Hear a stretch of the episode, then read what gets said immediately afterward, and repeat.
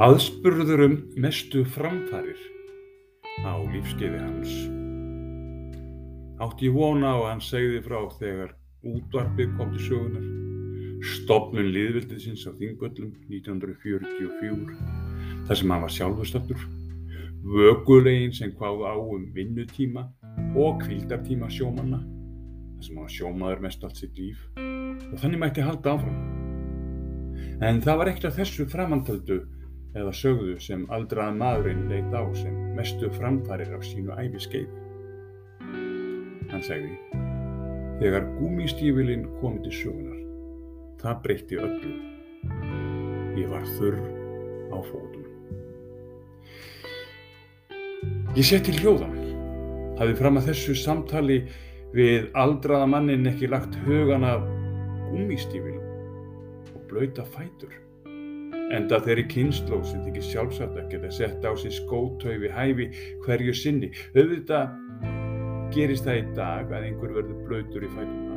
Þegar það gerist er þeir snarast að farið heim og skiptum sokka og þeir blöytu lagðir á opnin eða þurkara heimilisins og þeir orðið skraup þurrir áður en lokið við að horfa einn nettingstátt eða renni yfir helstu skjámiða.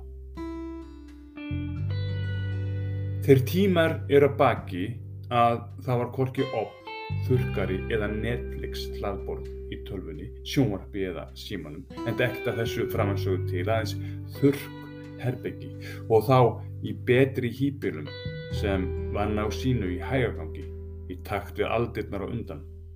Breytingar óverulegar frá því sem var frá kynnslóð til kynnslóðar.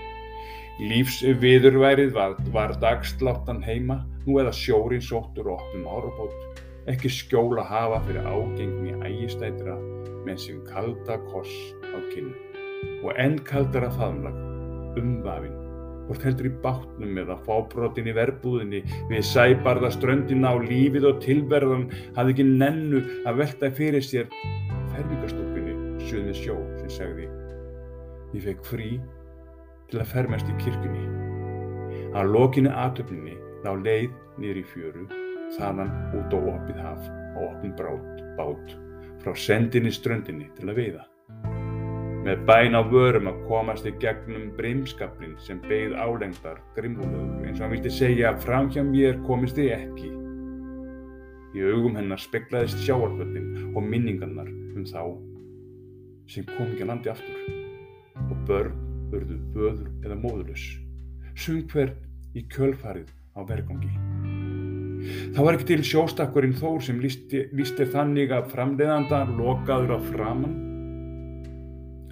Það var allt opið, skjólir ekkert nema hugurinn leita versi á almættinu, en samt ekki skjól að hafa. Kynnslóðir koma og kynnslóðir fara. Rittmi lífsins hefur verið og mun verða eins og öldur hafsins, lemja á ströndum landsins og virðast alltaf jafn hissa, laðmóðar að þér viðist þegar það nema land á grítri stund, strönd eða smetla rempingskossi á kletta og dranga steinrönnir og hljóðir og stuttu síðar dregst aldan letilega út á haf og saminast að nýju systurum sínum sem kom í kölfarið með enn meiri ofsa. Eins og þær vilja segja við skulum Við skulum ná þér. Við erum tíminn sem molnar og brýtur. Ég var nýja ára þegar ég var sendt yfir að næsta fjörð í vist hjá hjónum er átt í börn. Það var tveggja róðskofa ferði yfir heiðuna á fjallið sem skildi að. Segði mér aldrei að konan um árið í starfi eldri borgara hér í Árbæjarkirkju. Ég man þegar ég hlíti á sögu hennar hvað mér fannst tími sem þanga til var í mínum huga innbundin í bók sem beðist eins að einhver gerði svo lítið fyrir sem ætti þar leiðum tækir af hittum tímans í bókasafninu sem lætur ekki hátt. En á sama tíma á sína tilveru ekki aðeins sem prentsverta á bladi heldur í raunveru einhvers sem á ekki röndu eða eiru nútímans vil ekki nema sem greinir kynnslóði dagsins í dag á fyrsta, öðru og þriðja aldurskeiði annars vegar og hins vegar þeirra sem árin og aldirnar undan hafi tekið til sín að í dag eru breytingar tímans ekki mældar í árum, áratugum eða öldum. Gengna kynnslóður fóru feti frá því sem var raunveruleiki hverjar kynnslóðar. Fátt sem samennar eða á snerting við það sem var og er í dag. Fátt segi ég, því hann fortjar er engin nútíð. Það sem samennar alltaf er að við vitum öll hvað það er að missa, kvíða, sakna, þrá, fyllast eftirsjá og sorg eins og skáldið og rithöfundurinn Jón Kalman Stefansson konst að orði í bóksinni Guli Kábóturinn. Hann heldur áfram og segir Þeir sem gera lítu sorg og söknuð annara í þeim forsundum að það sé eitthvað sem allir hafa upplifað eru álíka næmir og fúnir girðingastörar. Girðingastörar. Tilverðin líkur. Í dag eru samfélagsbreytingar staðsettar hraðbreyt tímas. Ekki sem heitir hámars eitthvað, hvort heldur það er hámars púls, útökt, hraði eða drikkur. Byrtingamind breytir að tíma síðustu dag og vikna er meðal annars að búið er að þakka nýður í fröken klukkum. Eitthvað sem þau okkar sem eru á öðru aldurskeiði munum eftir og ekki sé tala um þau sem til er að þrýja aldurskeiðinu. Og kann að vera að þú lesandi góður velti fyrir þér orðnokkun minni fyrsta, öðru og þriðja aldurskeiði og hvað eiginlega að fyrirstilla. Þá er því til að svara að ég vegna minns hér komið mín svo trá að vera og cool er meðvitaður um tungutak samtímas svo mjög að mér liggur við yfirliði.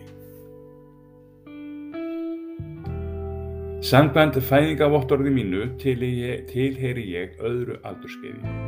Þau ykkar sem tilheyra fyrstu aldurskeiði hafa ekki visku lífsins til að bera og þau sem tilheyra þriðja aldurskeiðinu eru hókina visku og þekkingu og láta sér fólkum finnast. Auðvitað er þetta ekkert algilt. Þau okkar sem tilheyra öðru aldurskeiði, yfirbræð og háttur allt um það, en það er þetta en hafa ekki komist tangað frá fyrsta aldurskeiði. Engur kann að hugsa með sér að hljóð og mynd fari ekki saman svona stundum. Nú kannski er ég þar. Eða er hægt að segja að ég leita þangað svona stundum, algjörlega ómeðvita, eða þangað til að mér er bent á og sett dreif rauðan. Dröslast heim blöytum sokkum eftir að vaðið út í drullupotla samskipta miðla. Hversu öldruð á árumtalið afsakið hversu langt við náum á þriðja aldurskeiði munu kynnslóðir sem koma á eftir okkur líta á okkur sem barnsins tíma? Fyrir það eitt hvað liggur eftir okkur? Eða, eða við sögðum það sem við sögðum á samfélagsmiðlum samkým okkar sem vissulega margt hefur og hefur mátt kert liggja að vel aðtuguðu máli það er sprúlandi veruleiki nútímas í dag eru öll andars menn konur og karlarum menn Þessu tengt nætt ég um fyrirsögnar samfélagsmiðli sem vakti forvitni mína. Fyrirsögnin hljóðaði, leifi dag bara að vera barn síns tíma. Eins og mjög svo dáði barnabókaríthöfundur Róald Dahl fættur 1916, höfundur barnabók eins og Mattildi, Bergrísin Frómi, Kalli og Selgerðisversmiðan svo einhverju nefndar og börn og fullornir um allan heim lásu og lesa stjætti mikill að skemmtunar er að sögna útgefenda of grótesk fyrir nútíma börn og eh, segja að færa þetta málfarið til nútímans. Málfar bókana er með öðrum orðum meiðandi í eigrum og huga nútíma fólks. Ég fyrtist við innra með mér að heyra þetta og hugsaði af hverju þarf alltaf það sem var skrifað og sagt að lúta eirum nútímas. Ég var fegin að lesa um umfjöldunna á enda sem mér skilst að hafi upphæflega verið í morgunútvarpinu á Rástfjóða. Viðmælandin sem vittna var í segði reyndar ekki alveg orðrétt. Það er alltaf til börn sem vilja mýkri, fallegri æfintýri og líka börn sem vilja gróteskuna. Gamli maðurinn sem sagði frá í upphafi að gúmistífilinn hafi breytt öllu í hans huga, annars vegar og okkur sem í dag lifum hins vegar með hittavittu og gott húsnaði og uh, förum flestar okkar ferðir á bíl eða strætó, reykjóli, hoppjólum, þurrum pótum og þykjum markverst að blotna í fætunar. Þurfum á því að halda að skilja að nútíminn er aðeins einn hlekkur á langri keðju og hlekkur hugmyndu okkar orða er ekkert meira virði en það sem var eða það sem verður. Með því er ekki sagt að ég og til þess að gera allir aðrir með ekki skiptum skoðun og endur skoða málfar.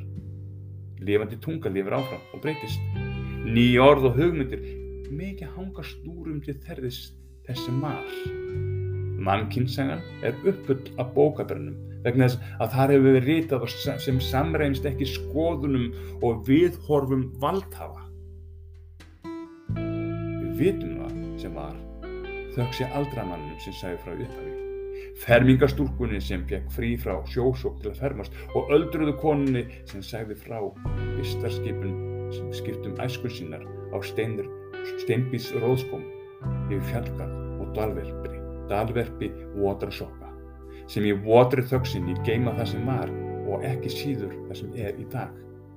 Kanski er svo staðrind of grótisk í eiru nútíma mannsins.